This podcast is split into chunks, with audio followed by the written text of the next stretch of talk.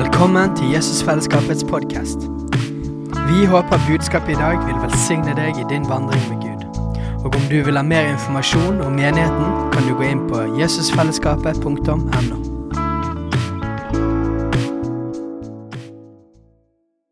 Tusen takk, Steinar, og til dere alle. Er, jeg, jeg har jo hørt om Jesusfellesskapet i mange mange år, og, og dette er første gang jeg er her. Da, så, så det har vært bare en veldig god opplevelse. Jeg må virkelig si det, Å bare oppleve den lovsangen her. og, og, og eh, jeg tror det er lenge siden jeg har opplevd så bra hvordan skal man si så bra lovsang. Det er liksom feil måte å si det på, da, men, men uh, i norsk sammenheng, jeg må si det. Altså, jeg, så jeg bare føler virkelig Her er det et sted hvor Gud kan virkelig komme og gjøre noe. Uh, og han gjør jo noe, men altså, hvis vi tror på vekkelse, hvis vi tror på at Gud forbereder steder som han virkelig kan besøke med sitt nærvær utover det vanlige, så bare tenker jeg, føler jeg Wow, this is that place. så, eh, så, jeg vil bare oppmuntre dere til det. Eh, til fortsette der dere er, og forvalte det Gud gir. Eh, jeg passer på klokka mi. Jeg, jeg, jeg, tok ordet før kona mi. Vet du hva? Kona mi er preacheren. Så da, da, da, da, da kommer jeg aldri til. Men,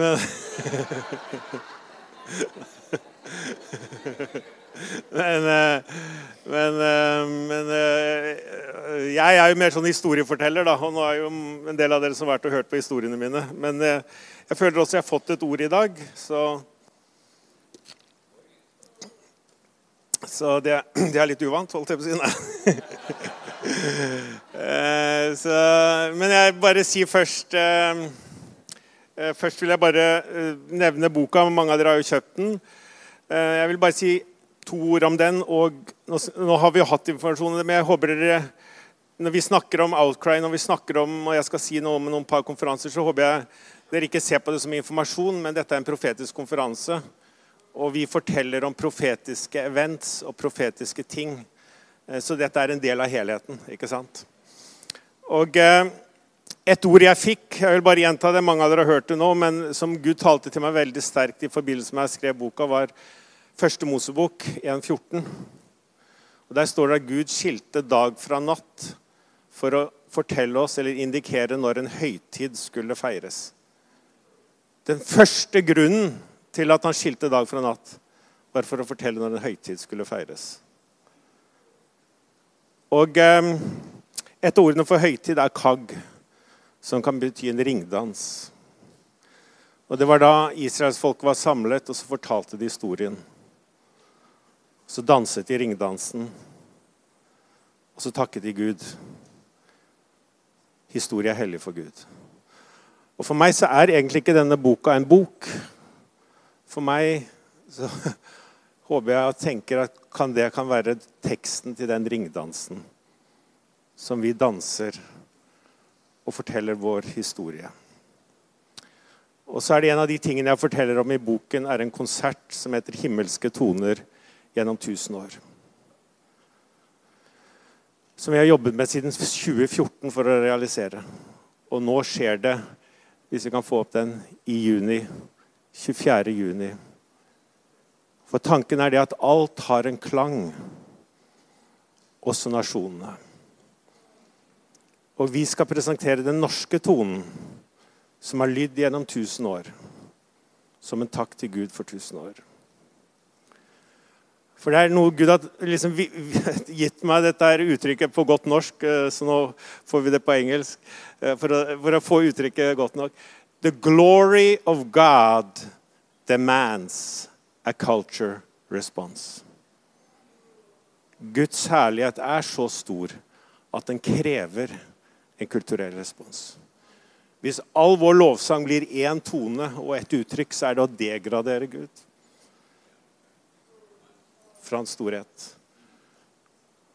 Og all, vet du hva, Foran Guds trone så er det ikke de forskjellige kirkesamfunnene samlet ved tidsalderens ender. Det er nasjonene i alle sine farger og alle sine kulturelle uttrykk. Og alle bringer sin tone til den himmelske sangen. Og der ved tidsalderens slutt skal vi tone inn i det enorme rommet, i den evige ringdansen rundt tronen. Og så skal vi bringe vår historie og vår tone og legge den til alle nasjonenes toner. Og hva om vi kunne gi en forsmak på den tonen fra vår nasjon? Det er det vi ønsker å gjøre i Nidarosdomen, Norges nasjonalhelligdag. 24.6. Gå inn og meld dere på. Det er, det er bare plasser rundt 1000 der, og that's it. Og det blir én gang. Og det blir ikke tatt opp, for dette er ikke noe vi skal prostituere. Dette er en takk til Gud. Vi kommer dit for å gjøre det. Og så I forkant av det så, så skal vi ha en sånn turné som vi inviterer til, til denne konserten. Uh, hvis vi får opp den slidesen. Uh, og Da kommer vi hit til Bergen 22.4. Så Da blir også Alf Magnus med, og jeg blir med. og Vi forteller historien Norge og Hans Nilsen Hauge. Og så blir Ari Stav og musikere med og gir oss en smakebit av konserten. Så det blir i Kredokirken. Eh, og så på dagen blir det en bønnesamling. og Da håper jeg at byen kan komme sammen fra forskjellige sammenhenger. Så ber vi for landet vårt, og så ber vi for det Gud gjør. Så kan jeg bare nevne også det at der, eh, Jeg har skrevet mye om den nasjonale bønnekonferansen i boka. Og den er om to helger, så hvis noen føler de skal være der, så inviterer jeg deg dit. Men hvis du må velge mellom det og Outcry, så dra til Outcry. For men hvis du er borte under Outcry og føler du skal til den nasjonale bønnekonferansen, så er den om to uker. Eh, men både den nasjonale bønnekonferansen og Outcry er blitt skrevet inn i norgeshistorien. Så. så sånn er det.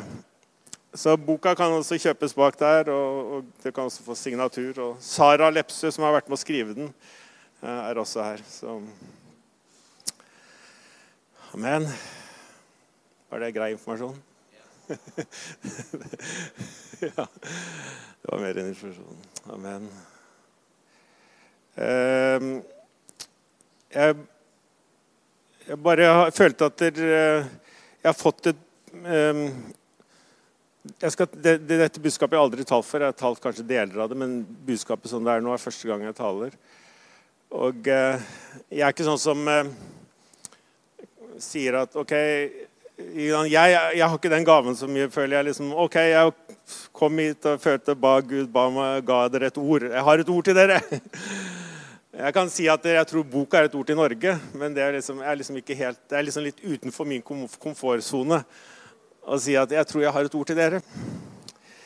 Men, eh, og Jeg tenkte at dette var mer, mer sånn generelt ord, men eh, etter at Karen profeterte her i går om dette med sted for bønn, og, og, og du, Steinar, sa, sa, det du sa, at det var det første Gud talte, så plutselig var det akkurat som Jeg føler kanskje dette også er et spesifikt ord for dere nå. En invitasjon fra Gud. Uh, og så får vi se.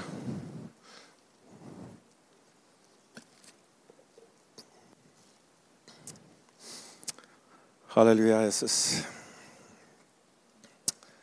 Takker deg for eh, at vi kan komme sammen. Takker deg for eh, dette stedet. Takker deg for at du ønsker å fylle dette stedet med din herlighet.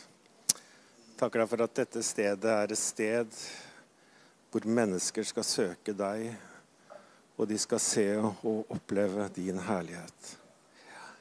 Jeg bare inviterer deg til å komme. La ditt ord gå ut her og berøre oss. Halleluja. Amen.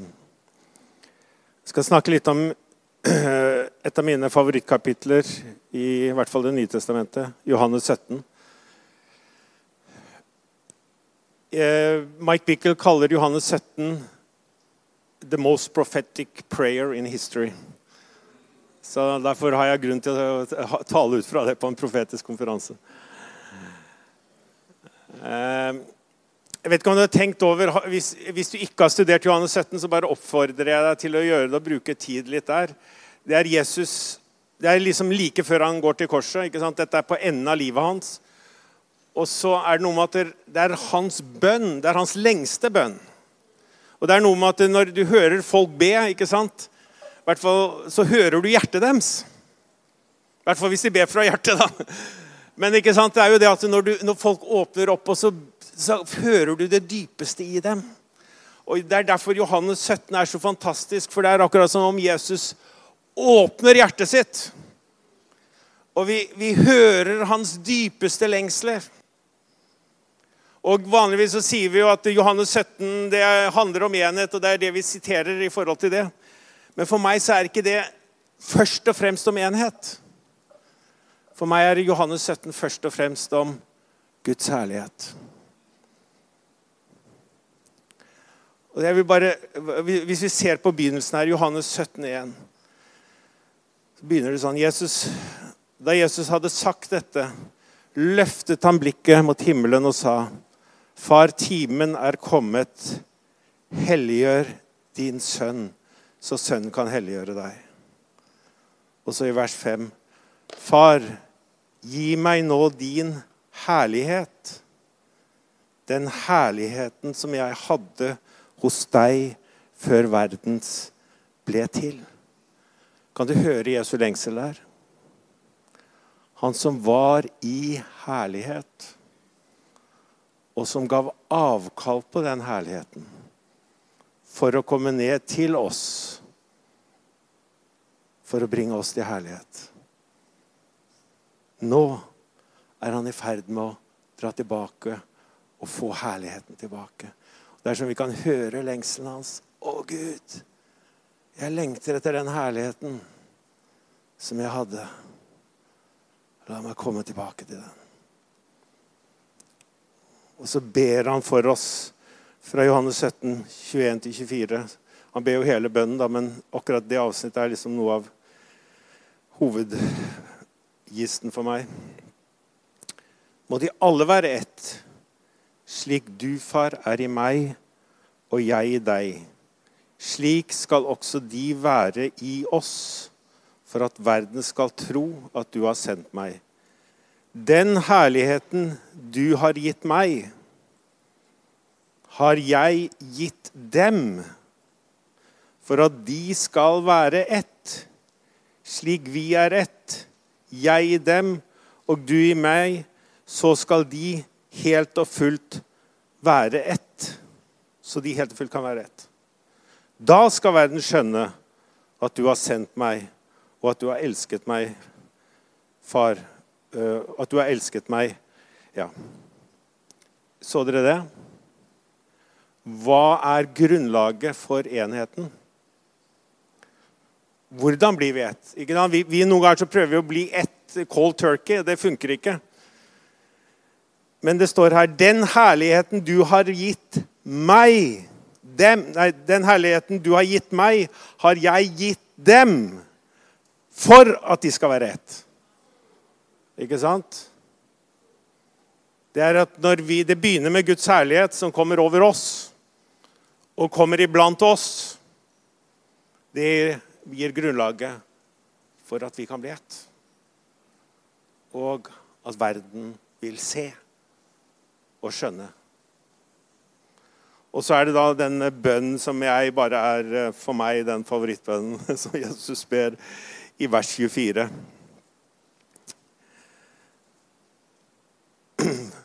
Far skal jeg se, eh, Da skal verden skjønne at du har sendt ja, eh, du har, Far, du har gitt meg dem, og jeg vil at de skal være der jeg er, så de får se min herlighet. Den som du har gitt meg fordi du elsket meg før verdens grunnlov ble lagt. Og På engelsk så står det 'Father, I desire'. Det er en dyp lengsel at vi Dette ber han på slutten av livet. På slutten av bønnen. Hva er bønnen hans? At vi skal være der han er. Så vi kan gjøre hva da? Se Hans herlighet.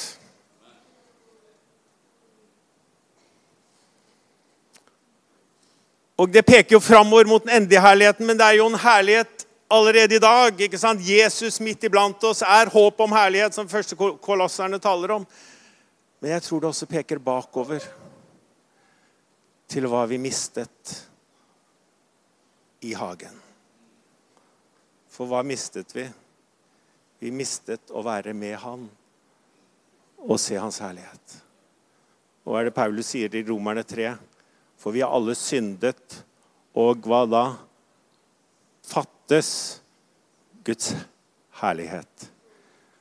Eller på engelsk 'fell short of the glory of God'. Det var det vi mistet. Og det lengter han etter å bringe oss tilbake. Og så begynte menneskeslekten sin historie, og så er det som om Moses står frem.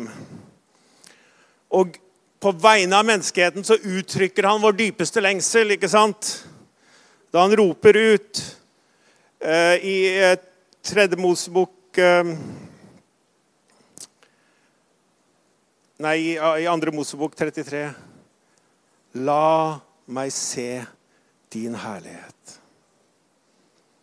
La meg se din herlighet. For meg er det som om Moses står som en representant for menneskeheten og uttrykker vår dypeste lengsel. Lengselen etter å se og skue hans herlighet.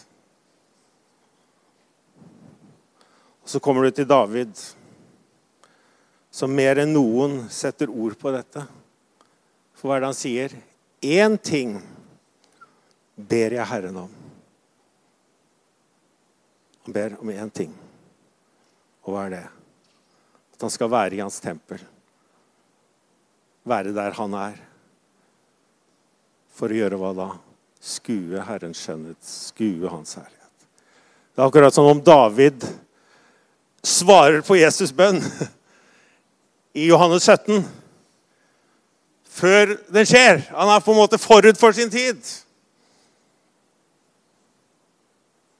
For Salme 24, 7 er, 27, 4 er jo svaret på Johannes, eh, Johannes 17, 23, 24.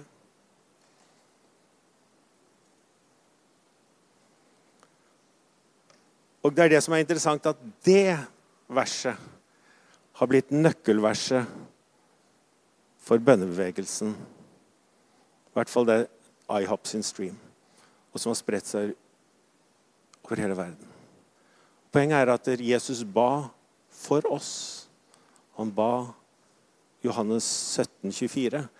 Og opp gjennom generasjonene så tror jeg den er blitt besvart av grupper her og der, men aldri på et globalt sett. Men akkurat som nå entrer vi inn at vår generasjon har fått kalle ut fra Salme 27,4 for å bli et svar på Jesus sin bønn i Johannes 17. 24.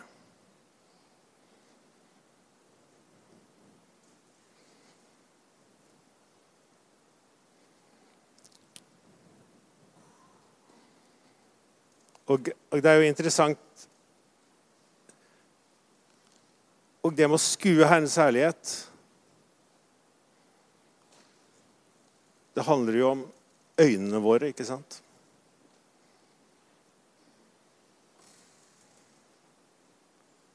Og aldri har noen generasjon vært mer angrepet på øynene. Dette er den første 24-7-generasjonen i historien. Dette er den første generasjonen som blir bombardert 24-7. Og potensialet til å bli fylt med mørke har aldri vært så stort.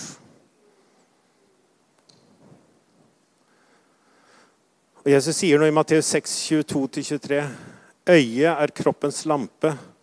Om øyet ditt er klart, er det fordi kroppen din er fylt av lys. Men er øyet ditt sykt, er det fordi kroppen din er fylt av mørke. Er da lyset i deg mørke, hvor dypt blir ikke det mørke?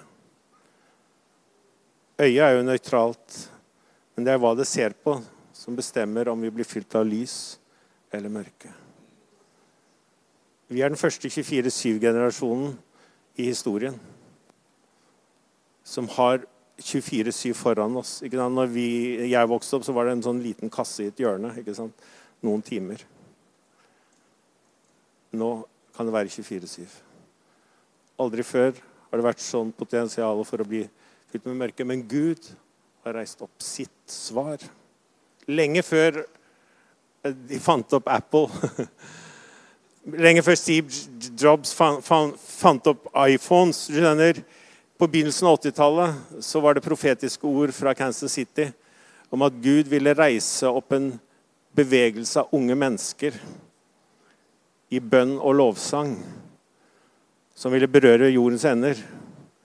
Og at de i Asia ville følge bønnene og sangene fra Kansas City på sine håndholdte TV-er.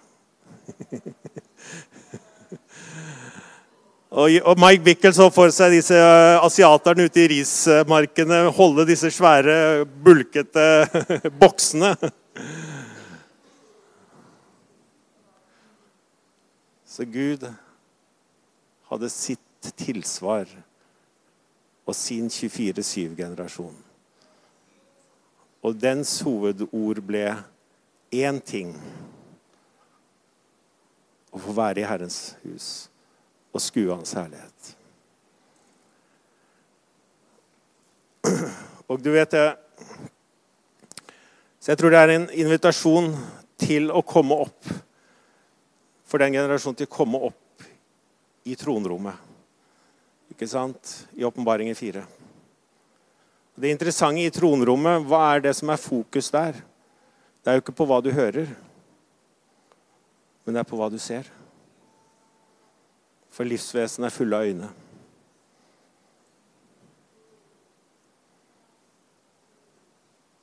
For de skuer Herrens herlighet. Og Mike Bickel hadde en, han hadde to åpne visjoner i livet sitt. Og den andre hadde han tror jeg, rett i forbindelse med covid startet. Og det var at der, og da tenker jeg Han er en leder i bønnebevegelsen internasjonalt. Og når han har to åpne visjoner, og da hører jeg på de to visjonene. Og jeg tror det er en invitasjon til oss som bønnebevegelse. Og han satt og mediterte på uh, Johannes' åpenbaring 3, uh, hvor det står 'Jeg står for døren og banker'. ikke sant? Og så plutselig så, så han en dør komme til syne på veggen sin hvor det ikke var en dør.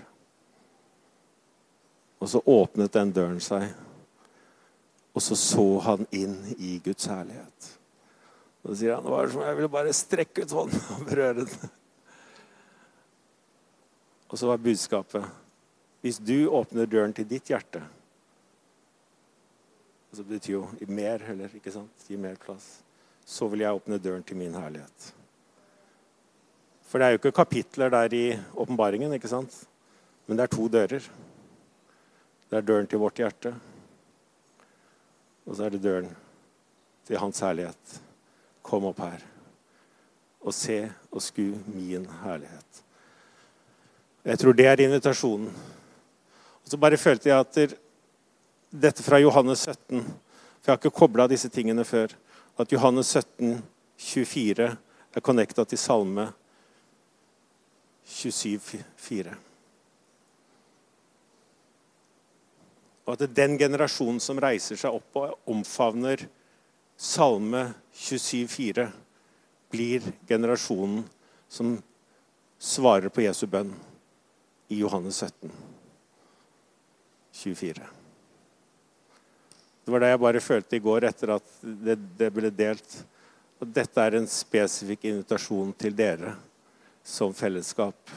Vil dere bli et svar på Jesu bønn i Johannes 17, 24?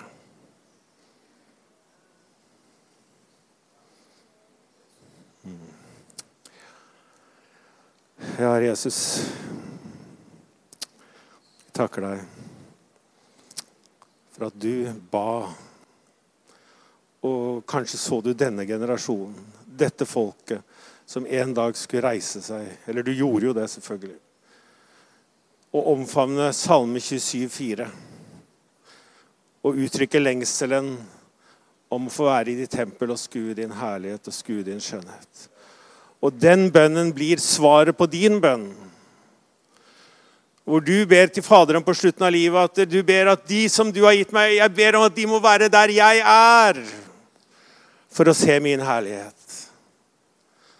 Og nå bare takker jeg ære og, og proklamerer og tror at den invitasjonen på en spesiell måte går ut til Jesusfellesskapet. Vil dere være med og bli de som svarer på Jesu bønn i Johannes 17, 24?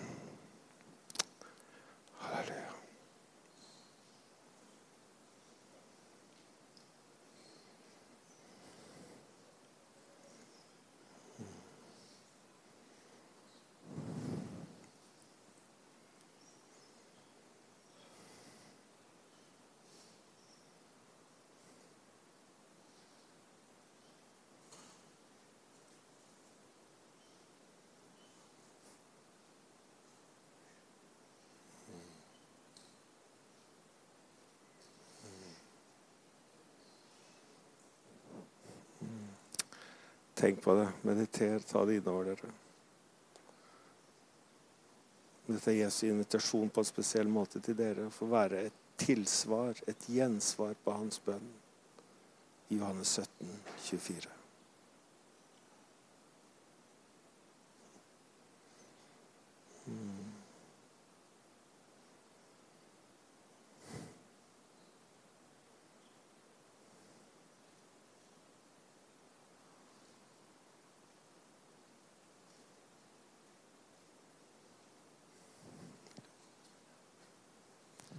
Bare respondere på det ordet. Fordi at det du har forkynt nå, er det hele menigheten er grunnlagt på. Um,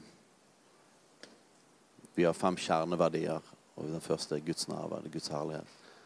Og så vi pleier å si at alt annet kommer ut derfra.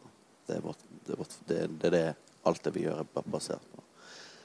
Så det er en veldig profetisk bekreftelse for oss at dette er vårt kall. At det er mer enn noe annet, det er vårt kall. Jeg vil bare si det til dere også som er nye i menigheten, og andre at dette er profetisk bekreftelse på hva vi er til for. Ja.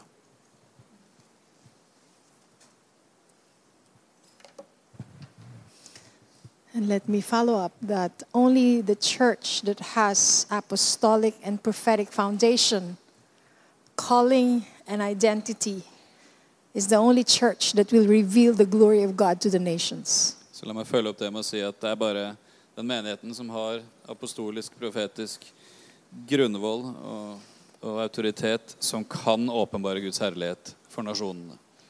That is what we are called to be Og det er det vi er kalt til å være. to bring the glory of God to the nations. Å bringe Guds herlighet til nasjonene. And you probably wonder why and how we can bring that. How can we be carriers of that glory? Og du lurer kanskje på ja, men hvordan kan vi bringe dette? Hvordan kan vi være bærere av Guds herlighet? Som utgangspunktet, du allerede bærer Guds herlighet. So the start is you already carry the glory of God.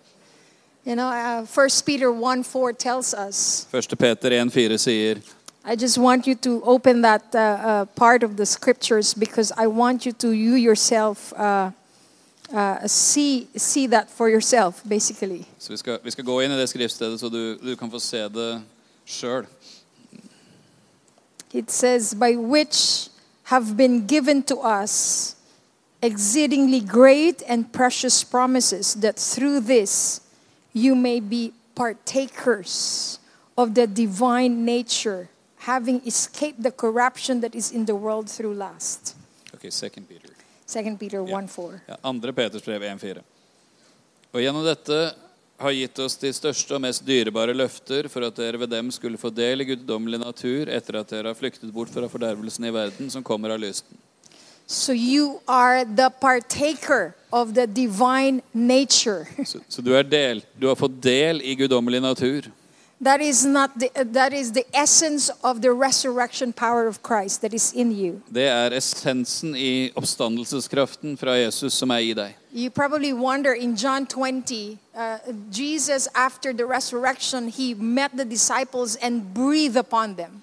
I Johannes 20 så møter Jesus disiplene etter oppstandelsen, og han puster på dem. Because that is the reverse of that uh, life that was taken away by sin For det er motsvaret på livet som ble tatt vekk pga. synd. in the garden. i hagen. Because when, when Adam was uh, created, the Lord breathed upon him, right? For når Adam ble skapt, så, så pustet Herren på han, ikke sant? And life came. Og livet kom. But that life that was given by God in purity, in the essence of being carrier of God's glory, was taken away. Men det livet som var gitt av Gud, som var, var renhet og hans herlighet, det ble så tatt vekk. Sin, you know. Så synden gjorde at vi mangler Guds herlighet. Vi But the resurrection power of God restored that. Men Guds oppstandelseskraft gjenoppretter dette. When he breathed upon the disciples even before the Pentecost. Når han pustet på disiplene selv før pinsedag. Because the Pentecost is the demonstration of the power and of the glory of God. For pinsedag er demonstrasjonen av Guds kraft og herlighet. But the resurrection is the conception of you carrying that glory of God. Men oppstandelsen er unnfangelsen i deg at du bærer denne herligheten fra Gud. And so you carry that glory Så du bærer denne herligheten through the resurrection power of Christ. gjennom Kristi oppstandelseskraft. And in that, uh, I mean, the Lord, in rest- restoring Adam and restoring mankind, Så i det så gjenoppretter Gud Adam, han gjenoppretter that menneskeheten. means uh, First Corinthians 5.17 tells us, you are no, what, what is First Corinthians?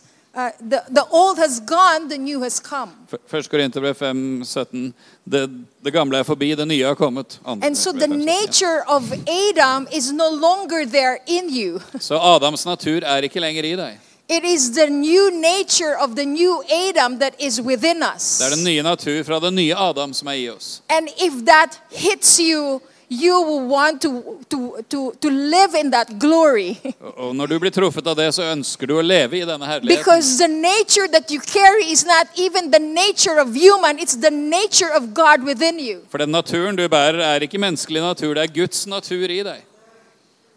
And that is what Paul in 1 Corinthians chapter 3 tells us. Og Det er det Paulus forteller oss i 1. Korinterbrev 3. Be careful how you build, Vær Pass på hvordan du for which foundation you build. på hvilken grunnvoll du bygger.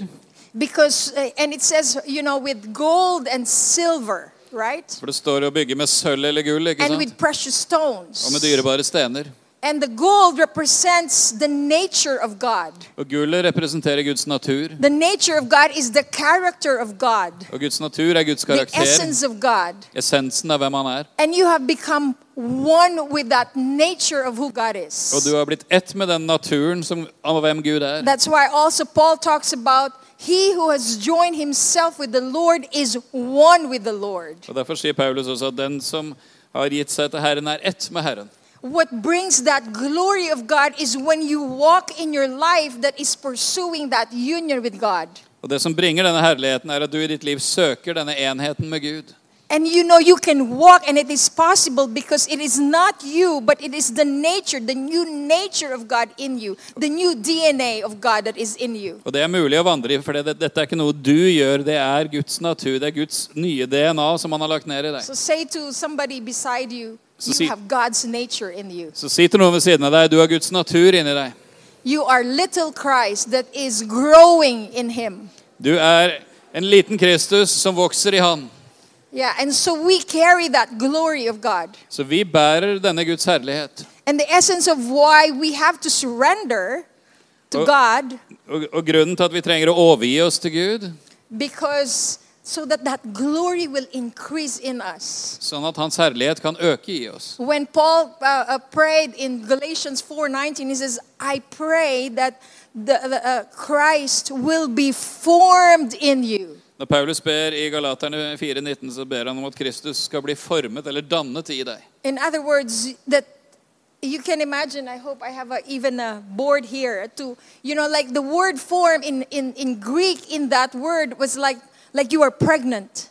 Og ordet 'formet' eller 'dannet' der på gresk er som om du er gravid, Like the, the, the womb, som i, i livmoren. You know, like it's a seed. It's a seed of Christ within you. Så det er altså et såkorn av Kristus i deg. You know, like the seed of conception in you of life. Eh, Et såkorn av eh, unnfangelse i deg av liv. When he says Christ will be formed in you, that you get pregnant of Jesus. Når det står at Kristus vil bli dannet i deg, så er du også gravid And when, and, and when you allow, through your surrender, you allow that seed to grow through your surrender, Og Gjennom din overgivelse så, så tillater du at dette, dette såkornet får vokse. that seed of Christ begins to grow and increase within you and through you. At dette såkornet av Kristus å vokse i deg og gjennom deg. That, the glory that you walk in the glory Så du vandrer i herlighet. and that you create that atmosphere of glory around you. Og da skaper du en atmosfære av herlighet rundt deg. And so our position of being believers is glorious.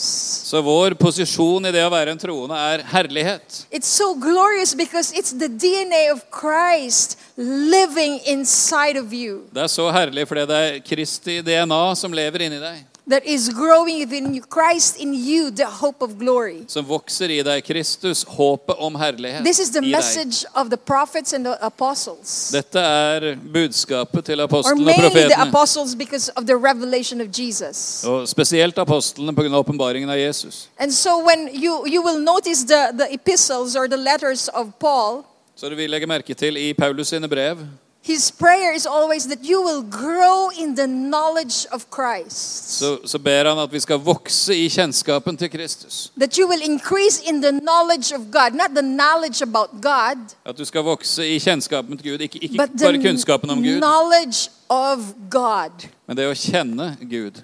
Can you say the knowledge of Kan du si å kjenne Gud? Do you know what it means to have the knowledge of God? Vet du hva det vil si å kjenne Gud? The knowledge of God imparted on you.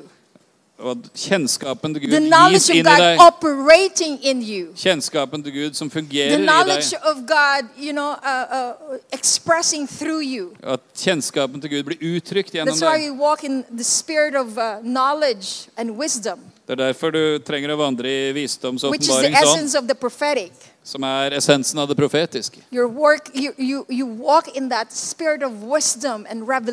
Du vandrer i den ånd av visdom og åpenbaring. So. Og slik kan vi være bærere av Guds herlighet. uh, in, in our union with God, vi lever i, i enhet med Gud. that Christ, who is the seed of God within us, will begin to grow. At Kristus som Guds såkorn i oss begynner å vokse. And I believe that is also one of the things that God is uh, uh, bringing and wants to keep bringing to the body of Christ. Og jeg tror at det er noe som Gud har brakt og ønsker å fortsette å bringe til Kristi That our legeme. greatest ambition is not our fame, not our success, At vår største ambisjon ikke skal være vår berømmelse eller vår suksess, but our greatest ambition will be to become like Christ. men at vår største ambisjon skal være å bli lik Because that's where man's, mankind's history is going. For det er, det er dit menneskehetens historie er på vei. Christ will be married by Jesus himself, right? Kristi brud skal gifte seg med Jesus selv, ikke sant? And on that wedding day, what does Jesus say to you? Og på denne bryllupsdagen, hva sier Jesus til deg? What did Adam say to Eve when, when they got married? Hva sa Adam til Eva når de giftet seg? You're now bone of my bone Dette er ben av mine ben, and flesh of my flesh. kjøtt av mitt kjøtt. Let's say it again. Sier det igjen. You're now bone of my bone Du er nå ben av mine ben and flesh of my og flesh. kjøtt av mitt kjøtt. In other words, your exterior life and your, which is manifested by uh, bone of my bone and flesh of my flesh, Så ditt ytre liv, altså bein av mine ben, kjøtt av mitt looks kjøtt, like Christ. ligner på Kristus. And then your interior life, the bones that is not seen, Og, og ditt indre liv, altså bein, beinbygningen som du ikke ser, like ser ut som Kristus. And so when that on that wedding day, Jesus is going to see us, you are now like me. Så på denne bryllupsdagen kommer Jesus til å si til oss, du er nå lik meg. like Father, like me. Som, slik jeg er lik Faderen, er du That nå lik meg. glory. Det er din herlighet. Det er Kristi herlighet gjennom deg. And that's why, you know, when, when, when Jesus said, He who has seen me has seen the Father. Og derfor Jesus sa, den som har sett meg, har sett Faderen. Because the Father and I are one. For Faderen og jeg er ett. And if we carry that glory, and when Jesus says that you are now one with me, Og, og når vi bærer denne herligheten, Jesus sier, du er nå ett med meg, that means we can say with confidence da kan vi med tillit si us, til folk rundt oss. Jesus. Jesus og jeg er ett. And if you have seen me, you have seen Jesus. Har du sett meg, har du sett Jesus. That must be our confession Det skulle være vår bekjennelse. as carriers of God's glory. Som bærere av Guds herlighet. So the world who has seen me has seen Jesus. Så den verden som har sett meg, har sett Jesus. That is the gospel. Det er evangeliet. That is the gospel, the unpolluted gospel. Det er det rene evangelium. That we will live in that glory, that we will walk in that glory and demonstrate that glory. At vi lever i den herligheten, vandrer i den herligheten, demonstrerer denne The glory of God doesn't just manifest when we are having a good time prophetically in a service like this. At Guds herlighet ikke bare åpenbares når vi, når vi har det flott sammen på møter uh, i det profetiske eller sånn. And that's why Paul has, has its, uh, his word. He says that you become what? The fragrance of Christ Det er derfor Paulus sier at vi blir hva blir vi? Kristi velduft to those who are perishing. til de som går fortapt. You are the fragrance of Christ. Du er Kristi velduft. That is the, the church that is moving in her apostolic and prophetic calling, Det er Guds menighet som lever i sitt apostoliske og profetiske kall. revealing the glory of God. Som åpenbarer Guds herlighet. Because we have become the fragrance of Jesus. For da har vi blitt Kristi velduft. And that's why we preserve the world. Og derfor, er vi, We are, we are the salt. derfor bevarer vi verden. Vi er salte. And, and so we, we really pray that the Lord will bring us into that reality of how we know that we are the glorious manifestation of Jesus Christ on the earth. Og Derfor så ber vi at Gud skal bringe oss inn i åpenbaringen av realiteten at vi er That you av are Kristi the herlighet på jorden. face of God on the earth. At dere er Guds ansikt på jorden. Say that to somebody. Si det you til noen ved are siden the av face of God on the earth. Du er Guds ansikt på jorden. You are the face of God in your family. Du er Guds ansikt i din You are familie. the face of God at your workplace. Du er Guds ansikt på You are arbeidsplassen the din. face of God in the train. Du er Guds ansikt på toget. And he who has seen you has seen Jesus. Og den som har sett deg, har sett Jesus. Because you are the ambassador of Christ. For du er Kristi sendebud. You are that equally yoked partner of Jesus. Du er den som går i likt åk med Jesus. You are the expression of God on the earth Du, du er Guds uttrykk på jorden i dag. And that is what that glory is about. Og det er det herligheten handler om. And that what the Lord wants to keep on restoring to us, to our time. Og det er det Gud ønsker å fortsette å gjenopprette In for oss i, i vår tid og i vår generasjon. There is no other time in the history of the church when its foundation has been threatened, polluted, misused, and despised than in our time and generation. Det er ingen tid i Guds menighet hvor grunnvollen har blitt så truet, foraktet og, og angrepet som i vår generasjon. This is why there is a great need and desperation to restore and to define the foundation of the church and to begin to speak about it. Det er derfor det er en så stort behov for å både definere og, og gjenopprette hva er menighetens grunnvoll, og begynne å undervise om det. Because if we continue to ignore it, For hvis vi fortsetter å ignorere det, we will completely lose the essence of why the church exists. så vil vi fullstendig miste årsaken til at menigheten eksisterer. Ephesians 2:20 the Bible explicitly express Efeserne 2,20 er Bibelen veldig tydelig på det. that the church is built on the foundation of the apostles and the prophets, At menigheten er bygd på apostlenes og profetenes grunnvoll. which is Jesus Christ himself, the chief cornerstone. Som er Jesus Kristus selv hovedhjørnesteinen. I have long wondered why the foundation of the church is built on the apostles and the prophets. Jeg har lenge lurt på dette. Hvorfor er menighetens grunnvoll bygd på apostlene og profetene? So why not Jesus? Hvorfor ikke Jesus?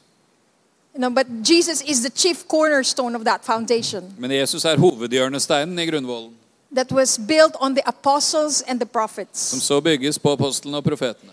So one thing I realize is the reason for it is the life they lived Så en av grunnene til dette har jeg skjønt er livet de levde, that is founded in Christ himself. som er grunnlagt i Kristus selv. So when you when you read the entire New Testament, especially the epistles, Så når du leser hele Nytestamentet, spesielt i brevene, you see that this emanates, you know, this uh, uh, focus of, of the apostles så ser du at apostlenes fokus, focus is on exalting Jesus. så er fokuset på å opphøye Jesus. You know, the, the difference between a child and a bride is the focus. Forskjellen mellom et barn og en brud er fokuset. So you know you have learned to be a bride of Jesus Så du vet at du har lært å være Kristi brud when you have focus on him. når du fokuserer på han. Because the children, you know, the children have so many short or, or short uh, span of attention. For det vet, barn har, har eh, veldig kort oppmerksomhetstid. And so that is one of the reasons why the Lord is also bringing the understanding of the bride in the body of Christ. Og Det er også en av grunnene til at Herren bringer inn forståelsen av, av bruden i Kristi legeme. And I rejoice over the fact that the Lord keeps on bringing this word to the body of Christ today. Og jeg gleder meg over at Herren fortsetter å bringe dette ordet til Kristi And legeme i dag. even in Norway. Og til og med i Norge. Because when we started to even preach 12 years ago about the bride, For når vi begynte å forkynne for tolv år siden om bruden, there's almost, uh, you don't hear that as a lingo that everybody uses. så, så var ikke det en språkbruk som alle brukte. But now you see more and more that the bride is coming forth. Men nå ser du mer og mer at dette med bruden kommer fram. So, anyway, Jesus had the confidence to live the kingdom of God with the apostles and the prophets. Så Jesus levde ut Guds rike med apostlene og profetene. And the founding of his ecclesia, Og når han grunnla eklesia, because he knew the life they committed to live. så visste han hvilket liv de var overgitt til å leve. He built his life on them and established them in him that they could entrust his kingdom to them. Han bygde sitt liv på dem og i dem på en sånn måte at han kunne betro sitt rike til dem. Today, when we hear the words apostles and prophets, we mainly uh, associate it with spiritual gifts. I dag når vi hører ordene apostler og profeter, så forbinder vi det med åndelige gaver. But in the early church, I believe that apostles and prophets are not mere, are not perceived as mere spiritual gifts, but individuals who are living a life that is laid down for Jesus. Men jeg tror at i den tidlige menighet så var ikke apostler og profeter først og fremst forbundet med gaven, men med det livet enkeltmennesker levde, They overgitt til Jesus. individuals who carry the weight of his glory. Enkeltmennesker som bar tyngden av hans herlighet. This is why they move in signs and and. Og derfor så kunne de bevege seg i tegn, under og mirakler. They didn't go to a school of signs and wonders De hadde ikke gått på en tegn- og underskole in order to learn what it means to move in signs and wonders. for å lære seg å bevege seg i tegn og under. It became a natural product and result of that life that they lived. Det ble et naturlig produkt og et resultat av det livet de levde. That they move in the supernatural. At de beveget seg i det overnaturlige. And so the, the signs and wonders follow them. Derfor fulgte tegn og undrene dem. As they followed the union of Christ Når de fulgte enheten med Kristus and pursued being one and united with Christ, og, og søkte det å være ett og forenet med Kristus, signs and wonders follow them. Så fulgte tegn og underne dem. And that's why they were not even in the place, but just giving the apron, right? The handkerchief. Og Derfor så kunne man bare gi altså en, en svetteduk eller et forkle, And there was healing that is manifested og helbredelse åpenbarte seg. because the glory of God is so thick among them. Fordi Guds herlighet var, var så kraftig iblant dem. The power and authority of the church lies in the glory of God through the church. Kirkens kraft og autoritet ligger i Kristi herlighet gjennom menigheten. Mere men and women who live and die for the glory of God. Enkle menn og kvinner som levde og døde for Guds herlighet. I would like to propose to you an, an, a, a definition of an apostolic church. Jeg har lyst til å foreslå for deg en definisjon på den apostoliske menighet.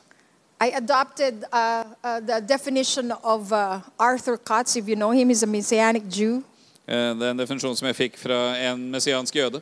Because when I uh, read his uh, definition of an apostolic uh, a church, For når jeg leste hans definisjon på en apostolisk menighet, uh, that just, you know, like uh, uh, witnessed so deep in my gut. så bare, bare kjente jeg at dette stemte så dypt inni meg. Because this is what I long for myself. For dette er det jeg lengter etter personlig. A church with apostolic foundation En menighet med apostolisk grunnvoll is that body of people whose central impulse er et legeme av mennesker hvis sentrale impuls and principle of life og livsprinsipp being in service is one thing only. at både det å være og å tjene er én ting. That is a radical and total jealousy for the glory of God. En radikal og total nidkjærlighet for Guds herlighet. Therefore, we need to seek for and rescue Derfor må vi søke etter og redde our apostolic foundation, vår apostoliske grunnvoll. or we will not have a church that is worthy of that word. Ellers så vil vi ikke ha en menighet som er dette ordet verdig. Why this needs to be restored? Hvorfor må dette gjenopprettes? In our nation, I vår nasjon, in our culture in Norway, i vår kultur i Norge, in the body of Christ today, i Kristi legeme i dag. one reason that it needs to be restored. En grunn til at dette trenger å gjenopprettes. Because the church was apostolic in its inception Fordi menigheten var apostolisk i sin unnfangelse and needs to be so at its uh, conclusion. og trenger å igjen bli det ved sin avslutning. So if God founded the church to be apostolic, Så hvis Gud grunnla menigheten for å være it has apostolisk, to be concluded as apostolic. så må dens avslutning være apostolisk. The second reason why it needs to be restored Den andre grunnen til at dette trenger å gjenopprettes, because only an apostolic church can stand and overcome the battles of the last days that await us. fordi bare en apostolisk menighet kan stå og seire i de kampene som kommer i den siste tid. Which in fact are already around us. Som faktisk allerede pågår rundt oss. And that's why you see the transcendence of the book of Acts, Og Det er derfor du, du ser i apostelens gjerninger the of the book of Acts. den radikale essensen i apostelens gjerninger. Because the book of Acts is the, the, the, the prescription of God to the New Testament church. For det, apostelens gjerninger er Guds oppskrift på den nytestamentlige menighet. It is the prescription of God. Det er Guds resept. This is the epitome of how God designed a church to be. Dette er bildet på hvordan Gud vil at en menighet skal være. So we are designed to be overcomers. Så vi er skapt for å være seirende. The book of Revelation did not mention the word successful, but overcomers. Åpenbaringsboken snakker ikke om å være suksessrik, men den snakker om å We have many successful church in Norway, Det finnes mange framgangsrike menigheter i Norge. But I really hope that we can name even up to 10 to 20 to 100 churches that are overcomers in Norway. Men jeg håper at vi kan, vi, vi kan eh, nevne navn på 10-20-100 menigheter som er are overvinnere, in Norway. som er seirende i Norge. And the reason for that, because the reason why we have more success than victory in the church in Norway, Og Grunnen til at vi har mer suksess enn seier i menigheten i Norge, because we have adopted the world's standards than God's standards. fordi vi har adoptert mer av verdens standarder enn Guds standard. God's design to the church is not to be successful, but overcomers. Guds plan for menigheten er ikke at den skal ha suksess, men at den skal være overvinnende. What's the difference between a successful church and a victorious church? Hva er forskjellen på en framgangsrik menighet og en seirende menighet? You know, we are so influenced by the world system Vi er så influert av verdens systemer that we define everything in the church at vi definerer alt i menigheten based on the way the world defines success. basert på hvordan verden definerer suksess. Do you have 1,000 followers in your Instagram? Har du 1000 følgere på Instagram? 2,000? 2000? That's successful. Da er du framgangsrik. How big is the size of your church? Hvor stor er menigheten din? You're successful. Da er du framgangsrik. How much more uh, invitations you get for preaching? You're successful. Hvor mange invitasjoner får du til å preke? Da har du suksess. Anything that can make people impress Alt som kan imponere mennesker, success. definerer suksess. Is defined successful by the world. Er definisjonen på å ha- å ha suksess i verdens øyne. And so in the world, you can celebrate a successful person I verden så kan man feire en suksessrik person når man ser at det er noe denne gjør som er imponerende. fame, For den er berømt, power, han har makt, glory, herlighet og rikdom. So success. Så du kan bli feira av, av verden i din suksess, men du kan fortsatt være bitter. Even though you are unforgiving. Du kan være utilgivelig. even though you are proud, Du kan være stolt. even though you are greedy. Du kan være grådig. The world celebrates them Så feirer verden de. because they got your stature on the stage. For de, de, de, har, de har sett hvordan du framstår på scenen. And in the church, we define the same way as the world does. Og i, i menigheten så har vi samme definisjon som verden. And so we can clap and give an applause to a preacher that we don't even know that he is uh, struggling with pornography. Så vi kan applaudere en forkynner som vi ikke engang vet at sliter med pornografi. I mean, I'm not saying that, uh, you, you know, I mean, it's one thing to struggle with pornography, but another thing to live in that pornography. Det er en ting å slite med pornografi, det er noe annet å leve i det.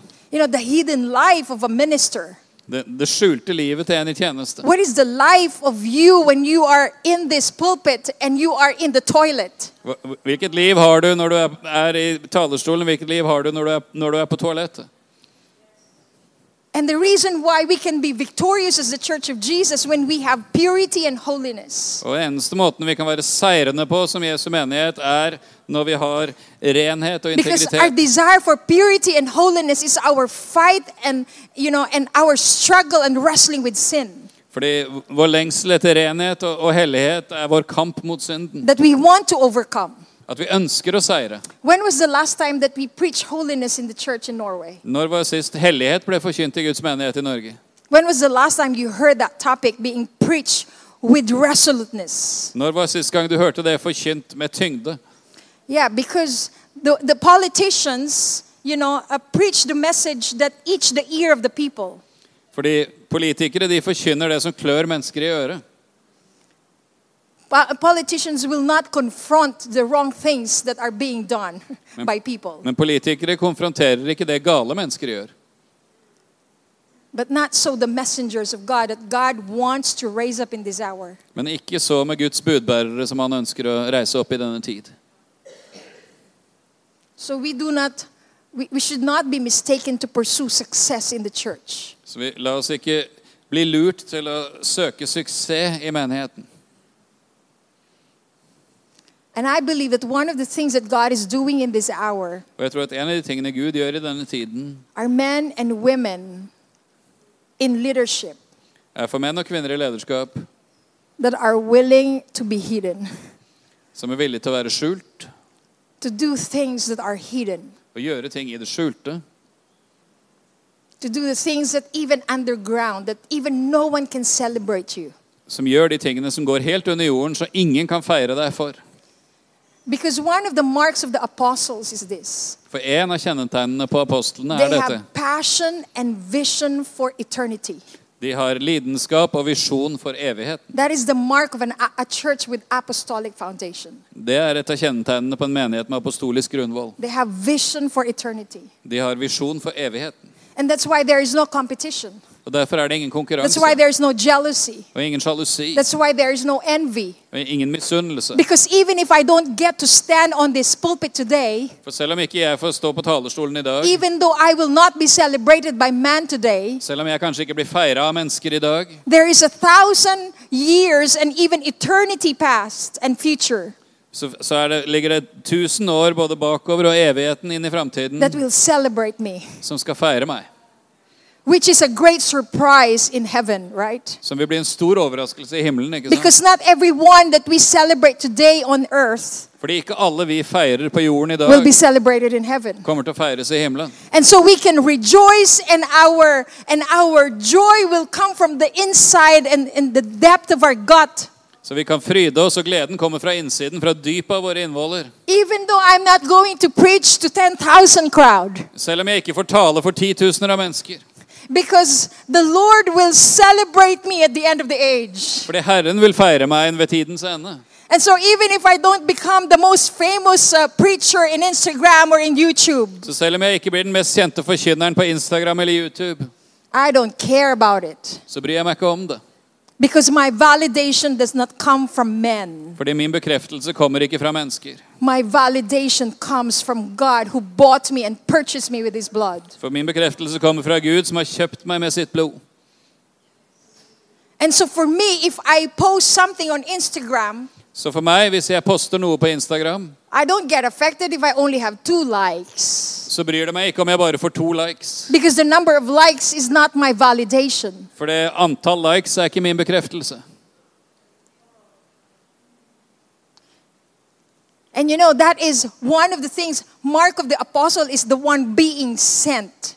For et kjennetegn på en apostel er en som er sendt ut. Even Jesus Christ himself, uh, uh, Hebrews chapter 3, verse 1, Selv Jesus Kristus selv i Hebreerne 3.1. he, is, he, he identified himself as the chief high priest and the apostle er han definert som vår ypperste prest og apostel. because he's the one who's sent by the Father. For han er den som ble sendt av Faderen.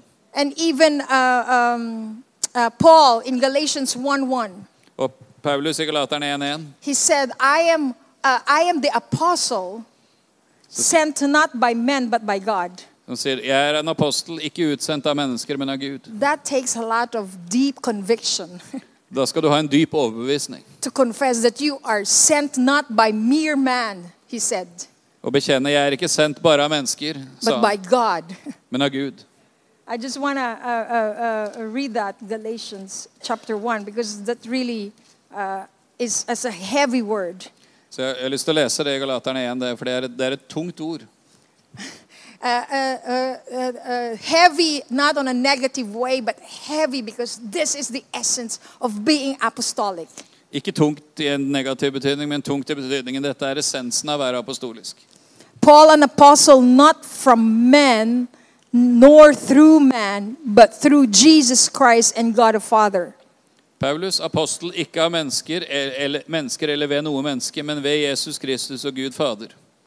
And so that is one of the mark of the apostles, Så det er en av kjennetegnene på en apostel. that we are sent by the Father. At vi er sendt av Faderen. And even Moses was sent by God to bring a, a, a whole nation Og til og med Moses var sendt av Gud for å bringe en hel out of slavery ut av slaveriet. because he was sent by the Father. For han var Was sent av by Faderen. God. Sendt av Gud. The essence of being a prophet. Essensen i det å være en profet. He is not self-acclaimed prophet, Han var ikke en selverklært profet, but he was sent by God. men han var sendt av Gud. And he went not on the basis of his seeing, but on the basis of God's sending. Og han gikk ikke basert på det han så, men basert på at han var sendt av Gud. So even for us, for me, you know, I cannot go to any meeting without the sense of God sending me. Så for oss, eller for meg, jeg, jeg kan ikke dra på et eller annet møte uten at jeg har en opplevelse av at det er Gud som har sendt meg. So we don't uh, receive all invitations. Så vi sier ikke ja til alle invitasjoner. We need to have the sense that God sent us, Vi trenger å ha forståelsen av at det er Gud som har sendt oss. that God sends us to a At place. Gud sender oss til et sted. And you know, I just had this experience in Cairo, Egypt, just uh, uh, November. I, I november hadde jeg en opplevelse i Kairo i Egypt. And uh, I was uh, invited by, uh, you know, one of our leaders in Europe for Christ jeg ble invitert av en av lederne våre. because they're gathering the apostolic and the prophetic people in Egypt. For de skulle samle de apostoliske og profetiske menneskene i Egypt. And so he sent me an invitation, Så jeg fikk en invitasjon, and I said, I don't think I would be able to come og jeg sa jeg tror ikke jeg får til å komme. because I was also preparing, and there's a lot of uh, uh, activities going on. For det var mye som skjedde, og var mye jeg måtte forberede. But mainly, I said, I have no money because I am saving every Norwegian crowns for my trip to the Og så sa jeg jeg har heller ikke penger, for jeg sparer alle mine norske kroner når vi skal reise til Filippinene. And so he, he easily received that and he said, Yeah, maybe we can, uh, we can uh, do it next time. Så han skjønte det og sa ja, ja, men da kanskje vi kan gjøre det neste gang, da. But a common friend of ours Men en felles venn av oss, spoke to him that you really need to bring Karen to, to Cairo. men en felles venn av oss talte til han og sa du må få Karen til Kairo. And so, long story short, uh, he was persistent to really ask me to reconsider praying that God is going to bring me to, to Cairo. Så for å gjøre en lang historie kort, han, han ga seg ikke og sa du må be over om Gud virkelig vil ha deg i Kairo. And so I, I prayed, and I really sensed that the Lord wanted me to uh, have a sense of uh, a mission in that place. Så jeg ba, og jeg opplevde at Gud virkelig ville at jeg skulle ha en forståelse av at jeg hadde et oppdrag på det stedet. the specific place God wanted me to go to with my feet on the ground is Goshen.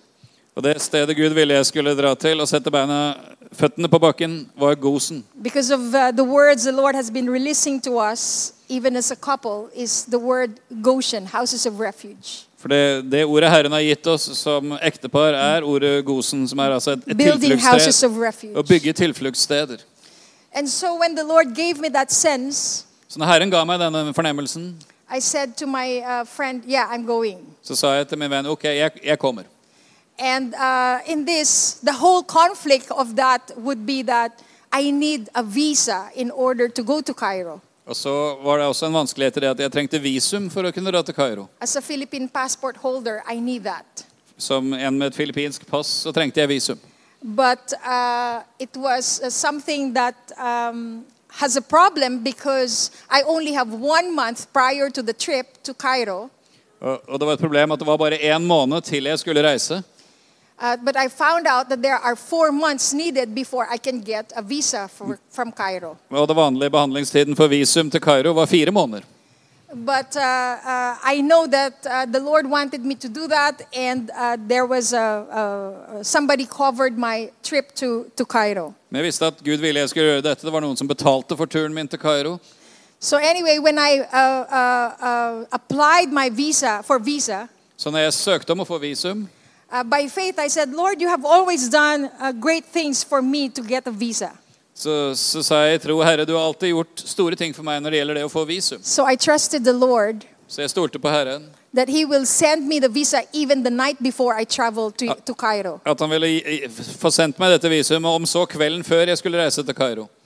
But then mon- uh, I'm leaving Tuesday, November 22. Og jeg skulle reise på tirsdag 22. november. And so I had hope uh, uh, November 21 at 5 o'clock, I will receive my visa. Så jeg håpte at innen klokken 5 eh, 21. november at jeg hadde fått visum. That it will be sent to me. At det ville bli sendt til meg. But there was no visa. Men jeg fikk ikke noe visum. There was no uh, approval. And then I, I called them several times that day. Det var ingen godkjenning, og jeg ringte til de flere ganger den dagen. And they said, You cannot travel to Cairo because you have no visa. Og de sa bare du, du kan ikke reise til Kairo, du har ikke visum. Which is valid, right? Som jo stemmer, det er korrekt. ja. And so I was struggling that day Så jeg var kjempa med dette denne dagen. because I know God wanted me to go to Cairo. For jeg visste at Gud ville jeg skulle reise til And yet I have no visa. Men jeg hadde jo ikke noe visum. Uh, I mean, it's like natural for me not to just go and say, Lord, I'm sorry you didn't give me what, what, what I thought that you would give me before my, my trip. Så vanskelig å kunne si Herre, jeg beklager, men de har ikke gitt meg det jeg trengte, som jeg trodde jeg skulle få før jeg skulle reise. And it was like 7 o'clock in the evening that Monday. Og det var omtrent sju på kvelden den mandagen. I said to the Lord, Lord, give me another word Så sa jeg, Herre, gi meg et annet ord to, uh, to, uh, to confirm. for å bekrefte. And, and the Lord gave me Second uh, Chronicles 2017. Og Gud ga meg andre krønikebok 2017. Because my, my, my wrestling with God was, Lord, if I go against them, For kampen med Gud gikk på Herre, hvis jeg, hvis jeg går imot dem, against their rule about visa, og mot deres visumregler, then I will not be under your protection over me. så er jeg ikke under din beskyttelse for meg. Because I'm going against the rule of an authority that you have placed over me. For, for jeg går da imot reglene så, til en myndighet du har satt over meg. So when God gave me 2 Chronicles 2017, Så når Gud ga meg andre krønikebok 2017, the Lord said to me, sa Herren til meg, Do not be afraid, vær ikke redd, do not be dismayed. ikke vær mismodig. Tomorrow, I morgen, go against them, gå imot dem, for I am with you. for jeg er med deg. And so the word against them Så ordet mot dem was the word for me. var ordet til meg. And so I started to pack that uh, 11 o'clock in the evening, Så klokken 11 om kvelden begynte jeg å pakke, getting ready to move. og var klar til å dra. Took, the, took my bag to the train. Tok med meg kofferten på toget. And then those who were inviting me in Cairo Og de som hadde invitert meg i Kairo, told me, Karen, sa Karen, we were seeking for a way that we can find a favor for you to come in We are- by the, at the immigration. vi har prøvd å finne en måte sånn at du skulle få favør til å kunne komme inn i forhold til immigrasjonsmyndighetene. But uh, there is no way you can come. Men det, men det fins ingen måte du kan komme på. Uh, it will be illegal for you to come. Det er ulovlig for deg å komme. And so I said, Oh, I'm sorry. I'm already 10 minutes to the airport. Og jeg sa beklager, men jeg er bare ti minutter unna flyplassen. And so, long story short, I went there, Lord. I said, If you don't want me to come, just stop me right at Oslo. Så, så jeg, jeg dro til flyplassen og sa til Gud Gud, hvis ikke du vil jeg skal dra, så må du stoppe meg der på flyplassen i The Oslo. flight attendant put, gave me, a, issued me a boarding pass. Og jeg fikk uh, boardingkort. There's so many stories here, but one thing that I'm saying is that God really wanted to send me to Cairo, Det er mye, mye i denne historien, men det jeg vil si er at Gud ville virkelig sende even meg til Cairo. Visa. Selv uten visum. So when God sends you to a place Så når Gud sender deg et sted with two stops that was wanting to stop me from coming here today, men Det var to forskjellige stopp from som Munich and from Oslo, prøv, prøvde å hindre meg fra å komme hit. there is no obstacles that God cannot move. Så fins det ingen hinder Gud ikke kan fjerne. And so even when I came into the immigration in Cairo, Så når jeg kom til eh, passkontrollen i Kairo, the one that was commissioned to speak to the immigration officer, så den som skulle snakke med immigrasjonsmyndighetene, var overrasket over å se meg. Hvorfor er du her? It's like, we have a problem at the immigration. Vi har problemer med immigrasjonen her. Well, I said they issued me a paper. They issued me a boarding pass. Det sa jeg, men de ga meg jo boardingkort. Uh, anyway, and, and, and so I just went through. Og jeg kom igjennom. And every Egyptian uh, was so surprised. Even those who invited me were, were, were blown away that God paved the way for me. Og selv de som hadde invitert meg, var så overrasket over at Gud faktisk bana vei for meg. But when I was sitting in the plane, Men jeg satt på flyet right in Oslo, i Oslo, I said, Lord, why did you allow this? så sa jeg, Gud, hvorfor tillot du Because, dette? in fact, traveling there, I was prepared to go to jail. For det, i å reise dit så var jeg forberedt på at jeg kunne havne i fengsel. vi- violation to their policy. For dette gikk rett imot deres regler. was just ready that I will be put in jail. Så jeg var klar for at jeg kunne bli satt i fengsel. And I said to the Lord, Lord, why do you want to send me? Så jeg sa til, Herren, Herre, hvorfor vil du sende meg? The Lord said, Because I want to open two ancient doors Og Gud sa, fordi jeg vil åpne to eldgamle dører. The door of Egypt and the door of Istanbul, Døren til Egypt og døren til Istanbul. where I'm passing through. Som jeg skulle reise via. And the Lord said that I'm going to send you as a representative. Og Herren sa, jeg skal sende deg som en representant. Uh, the long story short, but that, that was what the reason why God allowed me to go through. Men, det var, det, men det, det, det var en lang historie som jeg gjør kort, men det var grunnen til at Gud ville la meg komme igjennom. Yeah, I'm supposed to leave at 1.30 to catch another plane. Og jeg skal eh, dra om et kvarter for å rekke enda et fly. The third reason, uh, so that is what the mark of the apostle is to be sent. Så det som kjennetegner en apostel, er å være sendt. I'm not saying that I'm an apostle, Jeg sier ikke at jeg er apostel, but that is the mark of the apostle. men det er et kjennetegn på en apostel. The third reason why it needs to be restored, Den tredje grunnen til at apostoliske trenger å gjenopprettes, because we will not be fully equipped to maturity in Christ fordi vi ikke vil bli fullt utrustet til modenhet i Kristus unless the apostles and the prophets are fully recognized før apostler og profeter er fullt anerkjent and are given a space to be activated among us. og gitt plass til å være i aktivitet iblant oss. And so um, that is in the context of us in, in Norway. Så dette er i sammenhengen med oss i Norge. Because today our churches in Norway are void of the apostles and the prophets. Fordi mange menigheter i Norge er helt uten apostler og profeter. I do not try to undermine the pastors, the teachers, and the Jeg evangelists. prøver ikke å underminere pastorer og evangelister og lærere. But without the placing of the prophetic and the apostolic foundation in our churches, Men uten at vi får lagt på plass en apostolisk profetisk grunnvoll i våre menigheter, our churches will remain weak så vil våre menigheter forbli svake. and will not be able to stand the trials that await us. Og vil ikke bli stående i de prøvelsene som, som kommer. And we will not move in that power and authority that God designs us to have and carry in this earth. Og da vil vi ikke kunne bevege oss med den autoritet og kraft Gud har tenkt vi skal ha her på jord. And that's why God wants to restore this in our midst. Og Derfor vil Gud gjenopprette dette midt iblant oss. That the church will not just be run by administrators, At menigheten ikke skal ledes av administratorer bare, by well meaning pastors, eller velmenende pastorer, and maintaining a political status quo in the church, og, og bevare et politisk stillstand i menigheten.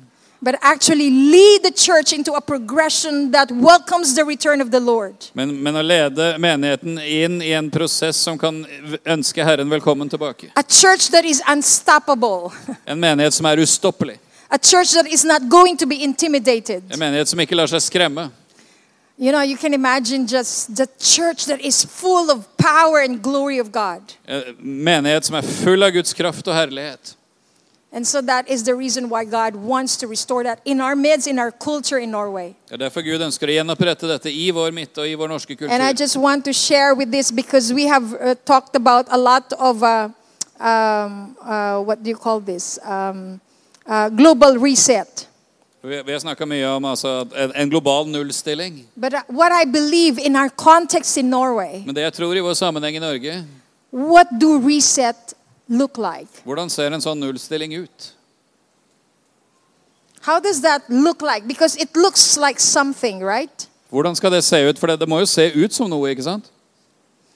So we move forward into the great reset Så vi, vi går framover inn i en stor nullstilling. from program based church Fra programbasert menighet to presence based church, til nærværbasert menighet. from corporation to community. Fra forretningsdrift til fellesskap. That we look like more organization than we are an organism. Ja, for vi ser mer ut som en organisasjon enn en organisme. The Lord is bringing the church from being church. By the way, the word church is not in the Bible. Og Herren bringer kirken, og ordet kirke er ikke i Bibelen. It's your in English version, but it's not in the Greek version. det, det, det står på engelsk og på norsk, men ikke på gresk. So it doesn't mean that uh, since you're using a church means that that is valid. Det betyr ikke at fordi om dere har et kirkebygg som dere bruker, at det er det som er sånn det skal være. The Lord, uh, the, the one that He's uh, going to build, He says, I'm going to build an ecclesia. For det, det Jesus sa, var at han skulle bygge en eklesia. So that reset looks like from church to ecclesia. Så nullstillingen går fra å være kirke til å være eklesia. Som, som dødsrikets porter ikke kan stå seg mot. Upon, Og, de, og denne eklesiaen er grunnlagt på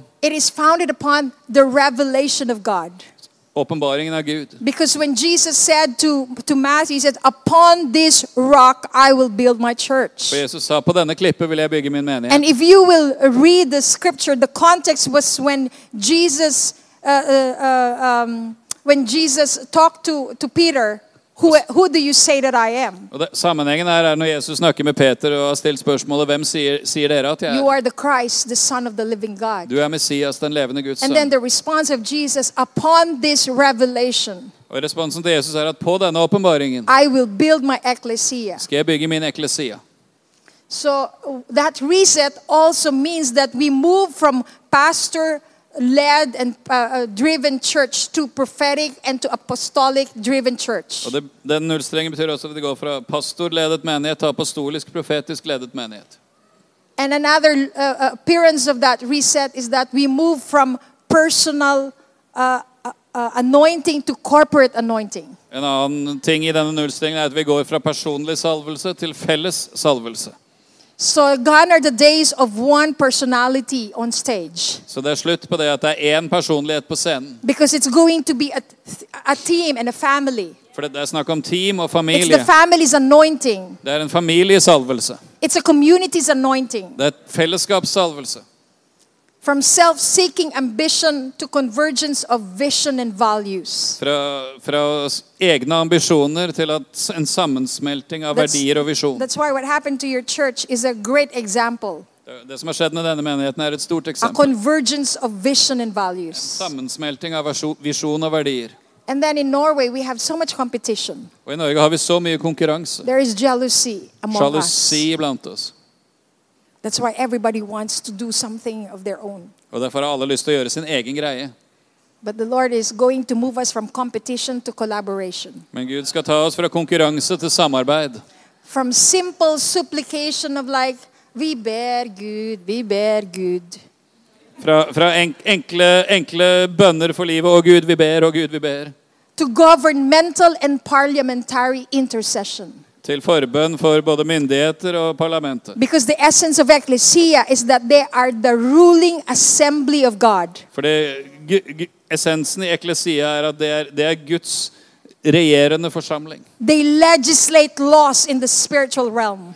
Som setter lovene i den åndelige verden. And another appearance of this reset in Norway is that from cultural religious conformity, Og en annen eh, kjennetegn for nullstillingen i Norge er å gå fra religiøs konformitet so. Vi, vi, vi er så konforme i forhold til vår kultur. Get, get out of the box I, ikke gå utenfor boksen. because you are used to doing the the way you do it. For man er vant til å gjøre ting sånn som man gjør det. But the reset in Norway Men nullstillingen i Norge is that we move from cultural religious conformity er at vi beveger oss fra kulturell, religiøs konformitet to radical counterculture. til en radikal motkultur. And that's what the apostles and the prophets did. Og det er det apostlene og profetene They were not conformed to the culture De, de var ikke likedannet med kulturen.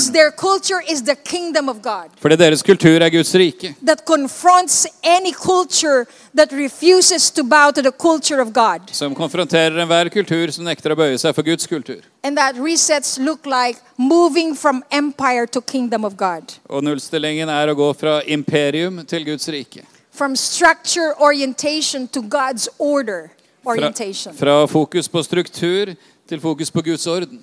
And that's why there's really no going back to normal. Og Derfor kan vi ikke gå tilbake til normalen som det var. And if any leader will refuse this reset that God has set, Og enhver leder som går imot denne nullstillingen som Gud vil ha, that church will die så vil menigheten dø. and will lose its essence of its, of its existence Og vil miste grunnlaget for sin eksistens. because it does not display the glory of God. Fordi den ikke viser Guds herlighet. Hallelujah. Halleluja. Father, we just thank you for your greatness and your word to us. Far, vi takker deg for din storhet og ditt ord til oss. And we ask, Lord, that you will uh, give in us a spirit of violence Og vi ber at du skal gi oss en, en ånd av kraft that will resist the status quo som står imot det bestående in the church, i menigheten, in our lives, i våre liv. but will press on Men at vi skal presse på videre and pursue the glory of God og søke Guds in herlighet our time and generation, i vår tid og i vår generasjon. in our culture and nation. I vår kultur og vår nasjon. In the name of Jesus, I Jesu navn. so that your glory will be revealed through us. Så din herlighet kan åpenbares gjennom oss. In Jesus' I name, Jesu navn. amen. Amen. Hei, alle sammen. Det er Katrine og Steinar Lofnes her. Vi er hovedledere for Jesusfellesskapet. Så kjekt du har lyttet til denne podkasten. Har du forresten hørt noen av de andre podkastene våre? Ukens tale, Disippelskolen, Hyrdepodden, Kulturkrigen og Mammas hjerte. Du finner disse podkastene på Spotify, Apple Podkaster og på nettsiden vår jesusfellesskapet.no.